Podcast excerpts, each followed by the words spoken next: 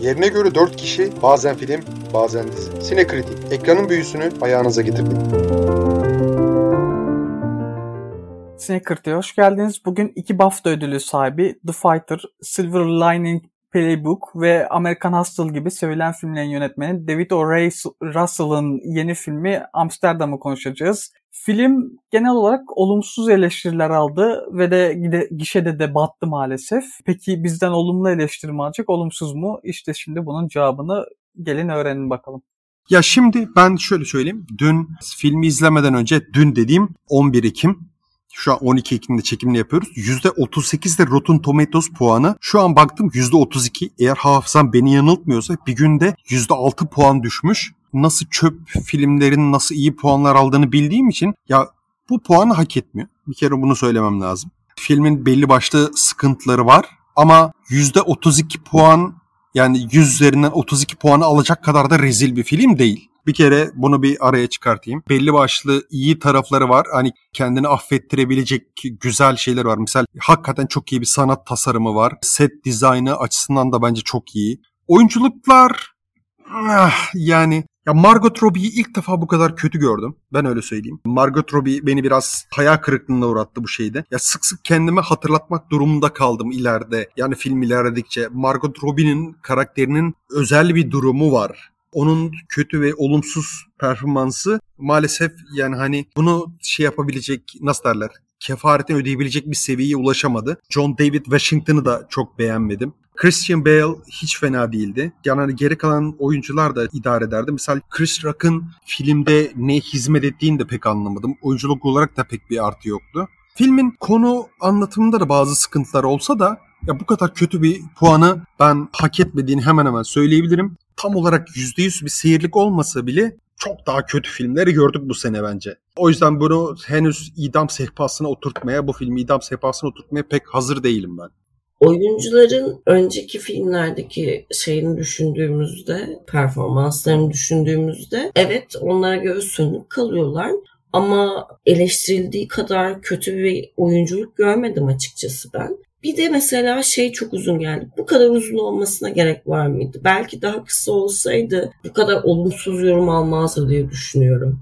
Bir kere öncelikle yıldızlarla dolu bir kadrosu var. Bu yıl herhalde en çok kadrosuna yıldız barındıran film olabilir 2022'de izlediklerimiz arasında. Bir oyunculara bakalım. Şimdi Christian Bale var ki yani bence gayet iyi oynuyordu. Yönetmen de favori oyuncusu. Kendisi ya filmde bu arada göz bandı taktığı bir sahne var. Orada çok fena şekilde bence yani bu olacak o kadar kadrosundaki Ahmet Çevi'ye benziyordu. Bilmiyorum katılır mısınız ama Neyse kendisinin GQ'ye verdiği bir röportajda şimdi alakası bu tabii ama aylardır seti çıkmadığını ve ne zaman dönmeyeceğini hatta hiç çalışmadan sonsuza kadar yaşayabileceğini söylemiş. Dergiye için çekildiği fotoğraflarda da bayağı sakalı makalı uzamış, tinerci gibi gözüküyordu. Bana bir garip geldi. Yani son zamanlarda bir ara verdim, sinemaya ara verdim falan diyen sayısı gittikçe çoğalıyor. Zannediyorum bu şey dönemi, korona dönemi oyunculara pek şey yapmadı, iyi gelmedi. Chris Rock'tan bahsettiği İlhan kendisi kesinlikle yani filmde bence de neye hizmet ettiği belli değildi. Tamamen gereksizdi ve ya sürekli alakasız, filmle alakasız kalan hani lüzumsuz espriler yapıyordu. Kötü de esprilerdi yani ayrıca. Yani neden vardı ben de anlayamadım. Bir de sahnede sunum yaptığı bir bölüm var ama merak etmeyin Will Smith oynamıyordu filmde o yüzden tokat bokat yemiyor. E, Margot Robbie ya bence kötü değildi. Yani ben kötü bulmadım kendisini o alıştığımız Margot Robbie muhteşemliğini 2023'ün başında vizyona girecek olan ve son yılların en sevdiğim yönetmenlerinden Damien Chazelle'in filmi Babil'de göreceğiz muhtemelen. O filmi de kesinlikle heyecanla bekliyorum. David Russell'la beraber çalıştıkları üçüncü film olan Robert De Niro yer alıyordu. Ee, onda kısa bir rolü vardı tabii. John David Washington yer alıyordu. Bence ben de yani performansını çok beğendiğimi söyleyemem. Kendisi malum Denzel Washington oğlu e, daha evvel Tenet'te de oynadıydı. Mike Myers yine kendisini hani tanımayacak kadar olmasa da değişik bir kılığa girmiş olarak gördük. Anya Taylor-Joy itici bir roldeydi e, ama ya itici rolü başarıyla oynamıştı ki yakın zamanda e, Peaky Blinders'ta da bu tarz itici bir rolde yer almıştı. Yine o da dönem dizisi zaten kendisi de yani yaklaşık bir ay sonra e, vizyona girecek olan korku komedi filmi The Menu'da izleyeceğiz. Onu da mutlaka burada da konuşuruz zannediyorum. Ben şöyle söyleyeyim. Filmin ya misal belli başlı sıkıntılı şeyleri var. Öncelikle nereden anlatmaya başlasam filmin ilk perdesinde beni en çok rahatsız eden şeylerden birisi misal filmin normal konusu akmaya başlıyor. Filmin normal konusu akmaya başladıktan sonra bir sıkıntı gerçekleşiyor. Şöyle bir geçmişe gitmeyi şeyi yapıyorlar. O kadar uzun ve o kadar out of context bir anlatım var ki filmde. Konunun akışını unutuyorsun aslında. Hani nerede olduğunu unutuyorsunuz. Bence gereksiz yere mesela ilk perdeyi bayağı katletmişler diyebilirim en kötü yanlarından birisiydi. Filmin mesela çok fazla gereksiz yan hikayesi vardı. Bu aynı zamanda hani filmin uzun süresiyle de beraber çakışan bir şeydi. Yani gereksiz ve konunun nihayete ermesinde herhangi bir şeye hizmet etmeyen birkaç tane yan hikayesi ve hikayecik şeyi falan vardı. Ya keşke o kısma girmeselerdi. Ya onları yapmasalardı. En başta şarkı. Sonuçta yine ileride hikayenin ilerleyen kısımlarında kullanıyorlar ama ben çok lüzum görmedim. Yani hani o kadar boğmalarına gerek yoktu diyorum. Belli bir süre sonra maalesef ilgimi tutmakta hani filmi ilkiyle izlemekte sıkıntı çekmeye başladığımı söyleyebilirim. Aslında yorumlara baktığımda herkes işte ilk perdeden sonra çıktım falan demiş ama bence ilk perde ikinci perdeye kıyasla çok daha iyiydi. İkinci perde artık hikaye akmamaya başlıyordu ve bu şeyler zamandaki twistler ciddi anlamda rahatsız edici. Hikayenin ve yan hikayelerin akıcı bir şekilde şey yapılmaması ya da düzgün bir timeline oturtulmaması beni artık gerçekten çok rahatsız ediyor. Yani bu şeyde de öyleydi. Blonde'da da böyle işte saçma sapan bebeğin konuştuğu sahneler falan giriyordu ya. Bunlar gerçekten seyir zevkini yok eden şeyler. Yani bir şey deneyeceğim ya da yapacağım diye hiç gerekli olmayan şeyler. Yani elinde inanılmaz bir kadro var. Gerek yok. Gerçekten gerek yok. Ya ben aslında genel olarak o yan hikayeleri sevdim. Ya özellikle geçmişe gittikleri bir anda geçmişe gittikleri sahnede evet akışı bozuyor ama çok da umursamadım yani orada çünkü Amsterdam'da geçirdikleri o sahneler güzel sahnelerdi, keyifliydi. Ben o yüzden orada çok da rahatsız olduğumu söyleyemem ama Evet yani yer yer belki yan hikayeler biraz kısılabilirdi, e, biraz daha kısa tutulabilirdi, azaltılabilirdi. Ama asıl yani süresi kısılması gereken yer final. Final çok gereksiz uzundu. Ve bunu ya şimdi bazı dinleyiciler şey diyebilir hani bu ben bu lafı kaçıncı kez söylüyorum bilmiyorum. Bu sene özellikle çok söyledim. Hani final uzundu şeyini en az 3-5 filme daha söyledim ama yani bu genel bir sorun var final yapmak zordur ama son zamanlarda özellikle zannediyorum daha bir zorlanıyor yönetmenler. Bilemiyorum katılır mısınız? Bu arada sayın dinleyicilerimiz sesinden anlayacağınız üzere Şebnem'i mezardan çıkardık sırf bu podcast için.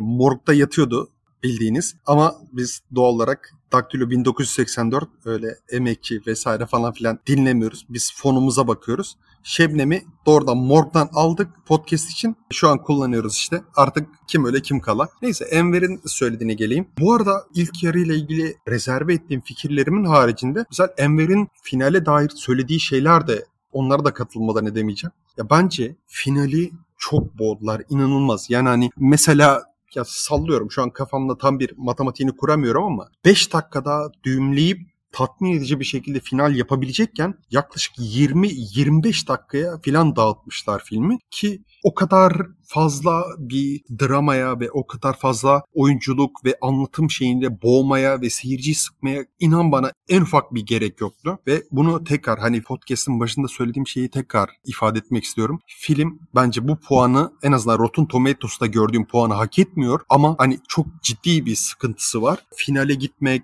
konuyu anlatıma bağlamak konusunda çok çabalıyor. Çok fazla çaba sarf ediyor ve bir yerden sonra da hani seyirci olarak beni kaybetti. Yalan söylemeyeyim. Yani hani artık ya ulan bitse de kaçsak moduna girdim. Ki böyle olmak zorunda da değildi. Oyunculuklarla ilgili mesela en başında söylediklerimi hala hemen hemen arkasındayım. Robert De Niro'yu gördüğüme çok sevindim. Bayağıdır sinemada kendisine denk gelmemiştik. Oynadığı karakter, rol yapması, sesi vesaire her şeyle yine tabii ki mükemmeldi. Onu böyle bir şekilde görmek artık kaç tane imkanımız kalmıştır. Kaç tane daha film çekecektir de göreceğiz. Onu hiç bilmiyorum. Ama bu gibi anların tadını çıkarmak lazım diye tahmin ediyorum. Onun haricinde müzik olarak da Sahne tasarımı olarak da bence çok göze hitap eden ki sinemanın da bir görsel bir sanat olduğunu düşünürsek o açıdan en azından izleyiciler için tatmin edici, göze hoş gelen çok fazla an bulundurduğunu şöyle yapıyorum. Ama filmin misal oyunculuktan yana biraz rahatsız eden veya eksik kalan tarafları da var. Anlatımdan yana büyük sıkıntıları da var. Bunları eklemeden de geçemeyeceğim.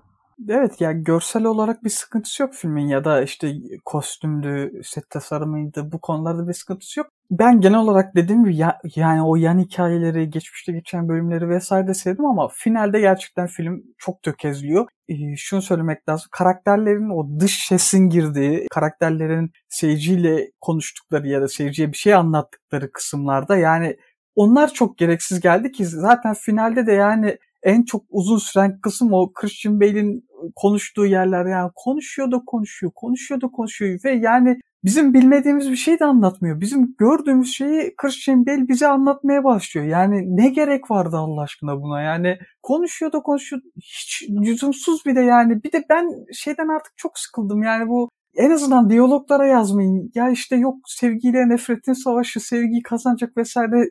Ya bu tarz diyaloglar ya ben çok sıkıldım onlardan. Mesela bu şeyden ben özellikle bahsetmek isterim. Ya ben fikre tamamen karşı değilim ama hani şöyle geçmişte izlediğim filmlere baktığımda out of context narrator yani bir anlatıcının olduğu filmler genelde daha itici geliyor. Yani ben hani tam bir kesin bir oran veremeyeceğim ama hani atıyorum 100 tane böyle dış anlatıcı sesiyle ilerleyen film varsa bunları 70'i benim çok hoşuma gitmemiştir. %30'u belki anca hoşuma gitmiştir. Bu tamamıyla sallamasyon bir orandır. Ama hani ezici çoğunlukla bu dıştan bir anlatıcı sesin yönlendirdiği, filmin akışını yönlendirdiği filmler çok iyi gitmiyor ya. Yani hani muhakkak bir olmamışlık hissi oluyor içinde. Maalesef Amsterdam'da hemen hemen bundan çok farkı değil. Yalan söylemeyeyim. Ya şu anlatıcı ile ilgili dediğin şeyle ilgili yani kısmen katılıyorum sana. Orada temel problem zannediyorum bazı filmlerde sonradan ekliyorlar. Yani sonradan gerek görüp de ekliyorlar bazen hani e, yeterince iyi anlatamadıklarını düşünüp ama bu filmde öyle bir şey yok. Yani o anlatıcı kısımlarını çıkarttığında geriye kalan şey gayet iyiydi, gayet anlaşılıyordu hani gereksizdi. Zannediyorum hani dediğin şey de şöyle olabilir hani e, varsayımda bulunuyor şu an ama sonradan anlatıcıya ihtiyaç duyulup da eklendikleri filmlerde belki bu kötü duruyordur da baştan öyle tasarlanmış filmlerde iyi duruyordur. Çünkü bazı filmlerde de özellikle fantastik filmlerde iyi gidiyor genel olarak bazı filmlerde ihtiyaç da duyuyor ee, ama evet bu filmde mesela kötüydü ve lüzumsuzdu. Ya mesela aklıma dış anlatıcı sesle ilerleyen bir film derken bu filmlerin şahı Shawshank Redemption. Türk ismiyle de Esaretin Bedeli. Aslında bence orijinal filmin ismiyle hiç alakası olması da bence gayet güzel bir film ismi. Neyse onu geçiyorum. Shawshank Redemption'da bu filmi şey yaptığımda misal dış anlatıcı ses olarak Shawshank Redemption'da dış anlatıcı ses filme aslında bir şeyler ekliyordu. Tam olarak görüntü akarken, oyuncular oyunlarına devam ederken hani kendilerine yazılmış rolleri icra etmeye devam ederken bir yandan da izleyicinin perspektifini genişletiyordu. Ama misal buradaki narration genel olarak bu arada sadece hani filmin sonundan da bahsetmiyorum. Filmin anlatımını boğu, sıradanlaştıran, yer yer sıkıcı olan hatta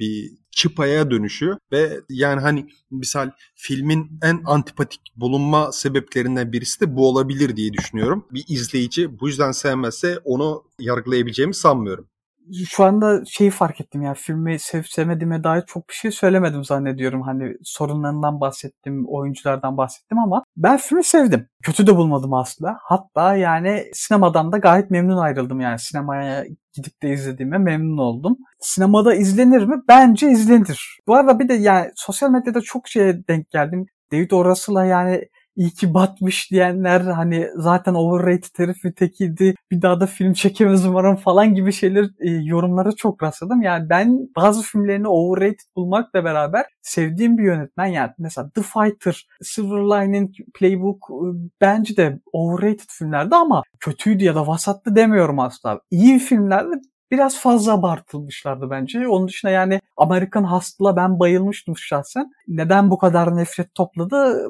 bu yönetmen bilmiyorum. Sevdiğim bir yönetmen yani umarım devam eder. Misal ya ben Enver şeyi söyledi hani filmi sevip sevmediğini bir söyledi. Ya ben çok kararsız kaldım. Hani filmin iyi, göze hoş gelen tarafları da var. Ama filmin başarısız olduğu yanlar da var. Bir de hatırlıyordur Enver hatırlıyordur. Birkaç sene önce Murder on the Orient Express filmini incelediğimizde şey demiştik. Bu murder mystery mevzularının bir daha bir mainstream olmasını istiyoruz. Hatırlıyor musun o muhabbeti Enver? Evet. Artık istediğimiz gerçekleşti. Yani hani bu süper kahraman romans filmleri, drama filmleri vesaire onların yanında artık murder mystery filmleri, who did it filmleri artık daha sık görülmeye başladı. Yani hani bu bir şey değil, tahmin değil bir istekti, bir arzuydu bizim için. Oldu. Onunla ilgili ondan yana sıkıntımız yok. Bu Pudidit filmlerinden biraz ayrışıyor. Çünkü daha ziyade bir dönem draması. Aslında filmin her ne kadar çok gevşek bir şekilde anlatmaya çalışsa da gerçek olaylardan esinleniyor. Hani filmin başında aslında söylüyor bunu ama film öyle bir akıyor ki aslında bu tamamıyla sizin aklınızdan çıkıyor. Bu aslında Amerikan tarihinde hakikaten gerçekleşmiş bir olaydan esinlenmiş bir hikaye. Ama işte dediğim gibi yani film anlatım esnasında o kadar çok ciddiyetini kaybediyor ki ve finalini yapmakta o kadar zorluyor ki yani hani herhangi bir izleyicinin dikkatini o saniyeye kadar zorlayıp ya çünkü benim işim bu. Ben burada yorum yapmak için o filme ekstra bir dikkat ayırmak zorundayım. Bu bazı yerlerde hani filmin zevkini de baltalıyor benim için. Ama normal atıyorum bir herhangi bir şekilde filme gidip güzel bir zaman geçirmek isteyen izleyicinin dikkati dağıldığında gözden kaçırabileceği bir şey. Keşke biraz daha farklı inşa edilseymiş film prodüksiyon bazında vesaire. Yani hani yönetmenin ve stüdyonun batması çok hoşuma gittiğini söyleyemeyeceğim yani hani şey olarak. Ama nasıl derler en favori yönetmenlerimden birisi değildi. Muhtemelen bir başkasının elinde çok daha düzgün ve eli yüzü düzgün bir e, proje haline alabilirdi. Bence yönetmen elindeki senaryoyu ve ekibi hakkını vererek değerlendirememiş gibi hissediyorum. Filmin özellikle çoğu yerinde böyle hissettim Bu arada maalesef. ya senarist de yönetmen kendisi ki zaten e, bütün filmleri için böyle diyebiliyorum. Yani hani sadece senaryoyu yazmakla kalsaymış daha iyi olurmuş diyorum. Yani hani senaryonun varoluş şekli kötü değil ama farklı bir yönetmen bence bunu daha farklı bir şekilde sahneye taşıyabilirmiş. Bir sürü kaçan fırsat var filmde. Film bittiğinde ve jenerik akmaya başladığında yani hani böyle olmasaydı filan dedirtti yapacak bir şey yok ama hani çeşitli, güzel ve eğlenceli tarafları olmadığını da söyleyemem. Konuyu biraz da artık dinleyicilerimizin insafına bırakıyorum. Yani hani kadro çekici gelebilir veya dönem çekici gelebilir. O zaman filmi izlemek için kendilerine bir bahane yaratabilirler. Ama şu an ben kendi adıma konuşmam gerekirse bu filmin o kadar da bir albenisi olmadığını söylemek zorundayım. Ekstradan bir ilgi duymanız lazım. Yönetmene, oyunculara, anlatılan döneme vesaire. Onun haricinde yolunuzu değiştirip izleyebileceğiniz bir film olarak görmüyorum. Katil kim tarzı ya da murder mystery tarzı filmler gerçekten çoğalıyor. İkimiz de bundan çok memnunuz. Çok şükür yani bu türe geri dönülmesi güzel bir şey. Ki ya bu film tabii katil kim filmlerinden bir noktada ayrışıyor zaten filmin bir noktasında ama türe dair yakında Türkiye'de vizyona girmese de belli platformlara düşer diye umuyorum. Bazı yerlerde vizyona girdi. See How They Run diye bir film geldi yine bu seneye ait. Başrolde Saoirse Ronan ve Sam Rockwell vesaire oynuyor. Bir de yakında yine Aralık'ta zannediyorum Netflix'te şeyin devamı Knives Out'un devam filmi e, Daniel Craig'in başrolde olduğu Ryan Johnson'ın yönettiği gelecek. Bu filmden gelmesi güzel. İyi bir görsellik, çok iyi bir kadro ama kadro onlardan muhtemelen umduğunuzu vermeyecek size. Çünkü ciddi anlamda ben kadroyu gördükten sonra beklentimi yükseltmiştim. İyi bir senaryo ama işlenmemiş bir senaryo. Çok daha iyi işlenebilirdi. Biraz uzun, Kesinlikle bu kadar uzun olmaması gerekiyordu. Ama biz neler neler izledik. Kesinlikle bu kadar gömülecek kadar kötü bir film değil. Ben şey olduğunu düşünüyorum bu kadar gömülmesinin sebebinin. Ciddi bir beklenti oluşturuyor hem konu hem kadro. Bu kadar beklentiyi yükseltmişken de insanlar daha çok şey bekliyor normal olarak. Yani hani bu mu diyebilirler. Değer yani bence izlemeye değer en azından şey yapabilirsiniz ya ben mezardan çıkıp geldim şuraya iki yorum yapmaya çalışıyorum. Bakın hani değmiş mi diye. Bu arada İlhan'la Enver ilk gömülüşümde toprak atmaya gelmediler. İkinci de bekliyorum. Arkadaşlar podcast bittikten sonra Şebnem'i morga geri uğurluyoruz. Yapacak bir şey yok. Fon gönderirseniz çelenk yaparız kendisine. Onun haricinde diyecek bir şeyim yok. Yani benim için bir şey yollamadılar. Belki senin için e, yollarlar. Bu sayede hayatta kalırsın diyelim. Bu haftalık bizden bu kadar. Haftaya görüşürüz. Bu arada yorumlarınızı e, yani filmi podcast'imizi Twitter'da paylaşırken Sinekritik etiketiyle paylaşırsanız orada da spoilersız yorumlarınızı yaparsanız hani hem film hakkında hem de podcast hakkında biz de okuruz. Belki hani podcast hakkında yaptığınız olumlu ya da olumsuz eleştirilere göre kendimize bir yönde verebiliriz ya da vermeye de biliriz. Görüşmek üzere. Görüşürüz.